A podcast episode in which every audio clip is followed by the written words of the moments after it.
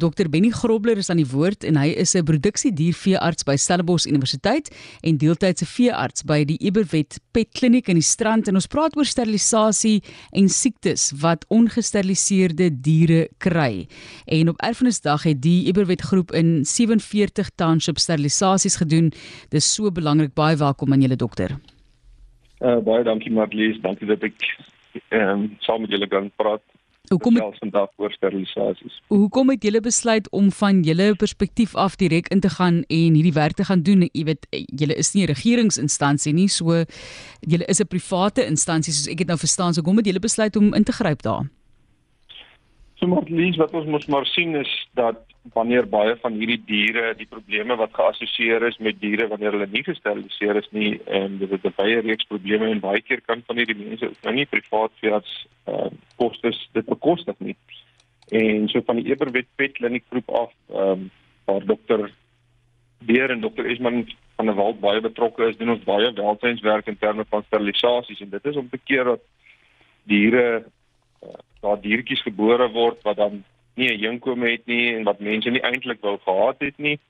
Die verspreiding van siektes en om te dit te voorkom so dit is maar die groot rede hoekom ons ingryp en help daarom diere te steriliseer ja. Jy verwys na die impak op diere die effek. Hoekom is dit belangrik in die eerste plek? Hoekom kan die diere nou nie maar net maak soos hulle wil of soos wat hulle natuurlik sou wou nie? Wat is die implikasies vir die dier self? Goed. So uh, enig baie van ons het al enigiemand wat 'n uh, wat 'n uh, vroulike hond byvoorbeeld het sal weet dat elke 6 tot 7 maande kom sy byvoorbeeld of dit as sy nie gesteriliseer is nie. Dit hou 3 weke lank en dit kan nogal 'n probleem veroorsaak in terme van uh, hulle het hulle het aktiewe afskeiding bloederige afskeiding en dit kan nogal 'n probleem wees as jy dit die hele tyd moet skoonmaak en dit geskied elke 6 tot 7 maande en dan ook met katte ek seker almal van ons het al in die oggendure wakker geword met die geskree in die buurt wat aangaan met die katte wat so ongesteriliseerd is en rondloop. Maar ek dink die grootste ding is dit gaan oor die gesondheid van hierdie troeteldiere en die gesondheid van hierdie diere. Daar is baie gesondheidsprobleme wat geassosieer is met met reproduksie en dit is prostaatprobleme in manlike diere, kankers wat ontwikkel in manlike en vroulike diere en veral by vroulike honde het ons die probleem dat hulle baarmoeder infeksies ontwikkel later in hulle lewe. Dit het te doen met hulle, hulle hormone en die hormone in hulle baarmoeder wat oor tyd en met herhalende siektes maak dat die baarmoeder meer vatbaar vir infeksies. Dan kry ons ook die verspreiding van virale siektes wanneer diere wat nie gesteriliseer is in kontak kom met ander diere, seksuele oordraagbare siektes wanneer hulle rondloop En die ander probleem is as hulle so rondloop dan kry jy dat hulle baklei verskriklik met mekaar, so dis wonde, hulle verskeer mekaar baie keer en hulle word raakgery. Dit is die ander probleem. Hulle word heeltyd raakgery en dit is vir hulle gesondheid is dit dan net nie ideaal nie. Het dit enigstens beter geraak? Ek weet dit klink nou soos 'n belaglike vraag, maar ek dink jare terug was daar nie vreeslik baie fokus gewees op diere sterilisering. Ek praat dan van toe ek 'n kind was, jy weet. Ek, ja, ek ja. praat maar uit ervaring. Ek dink daar was nog ek ek noem dit nou as 'n voorbeeld, maar ek dink dit was nogal 'n slim slim plan vir my ma wat vir 'n baie klein hondjie 'n um, baby grow aangetrek het. Jy weet, um, net om daai sake te te voorkom. Ek weet nie of dit enigstens beter is en of die boodskap beter deesdae versprei word as voorheen nie. Ek glo so definitief not lees want ek dink daar word baie fokus gedoen daarop en uh, baie welsynsorganisasies het baie insaag hierso en ek dink praatjies soos hierdie wat mense oor die radio het en waar ons as veeartse kan ehm um, terugploeg in die gemeenskap en verduidelik hoekom dit belangrik is om te steriliseer. Ek dink die mense is baie meer bewus uh van die voordele daarvan om jou pasiënt of jou hondjie of jou troeteldier te steriliseer. Ja.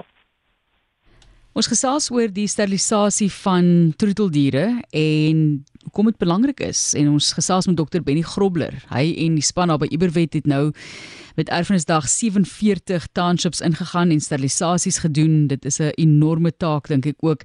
Kom ons kyk net na die siektes. Jy het bietjie verwys in geraakte aan maar die siektes wat dan nou by ongesteriliseerde diere gesien word. Ja. So by vroulike diere, veral by vroulike honde.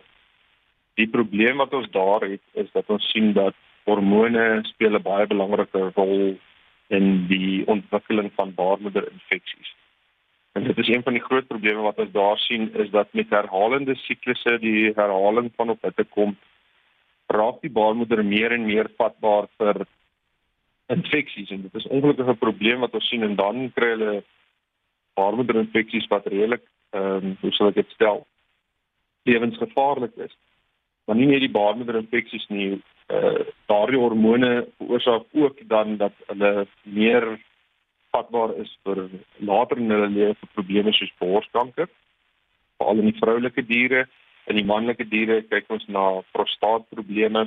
Hulle kry testikulêre kankers wat hulle ontwikkel omdat hulle nie reggemaak is nie. Die ander probleem is wat ons ook sien is ons sien dat ons kry seksuele oordraagbare siektes, veral in honde. Dit is 'n uh, amper soos 'n tipe kanker wat dan as hulle in kontak kom met mekaar dan versprei hulle dit van hond tot hond. By katte byvoorbeeld sien ons weer dat daar kry goed soos uh, katspiks wat ons dit basies noem en leukemia virus en dit word versprei wanneer hierdie katte weer in kontak met mekaar kom. En die probleem met al hierdie goed is dit raak op die einde van die dag baie duur om hierdie behandeling om behandeling vir hierdie diere te gee en dit raak ook 'n probleem van hulle se lewensgevaar as gevolg van hierdie siektes. Dokter, presies hoe werk die sterilisasie? Hoeveel kos dit asseblief? En ek dink dis baie kere mense wat sê ek het nie die geld nie, dan los hulle dit maar so. So, hoe maak 'n mens? Goed. So wat ons basies daar doen, dit is die mees algemeenste operasie of chirurgie wat deur veeartse wêreldwyd gedoen word. Uh, so die dier word onder uh, narkose geplaas en hy kry so hulle glad nie bewus van die prosedure nie. Hulle ervaar ook nie pyn nie want ons gee voldoende pynmedikasies voor en na die prosedure en by uh, diere sien ons dat altyd diere die herstel is baie vinnig. Dit is so kostegewys koste sal gewoonlik verskil van praktyk tot tot praktyk. As jy baie na baie gespesialiseerde praktyke gaan, dan sal dit duurder wees platteland teenoor uh, stedelike praktyke, welfynspraktyke. Dit dit kostes varieer baie daar, maar wat ek wel kan sê oor sterilisasie, die eenmalige uitgawe wat jy spandeer op sterilisasie is baie goedkoper in terme van die latere probleme waarmee die pasiënt in sy lewe of sy of haar lewe kan sit. En daardie kostes kan baie meer wees as die uh, net die eenmalige bedrag van die sterilisasie. Ja. Dokter Ossie baie dankie. Dis net weer 'n herinnering dat mense daarna moet kyk wanneer byvoorbeeld dokter moet 'n mens nou 'n troeteldier steriliseer laastens. So met opregte rashonde ehm um, veral groter honde sal ek voorstel voordat jy die die die pasiënt steriliseer, die troedie steriliseer, moet jy met dit bietjie met jou veearts bespreek.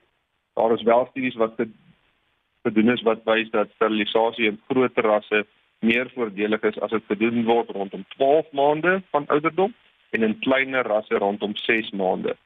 Maar wat ons doen by welsyn, ons stel voor gewoonlik dat dit so vroeg as moontlik gedoen word.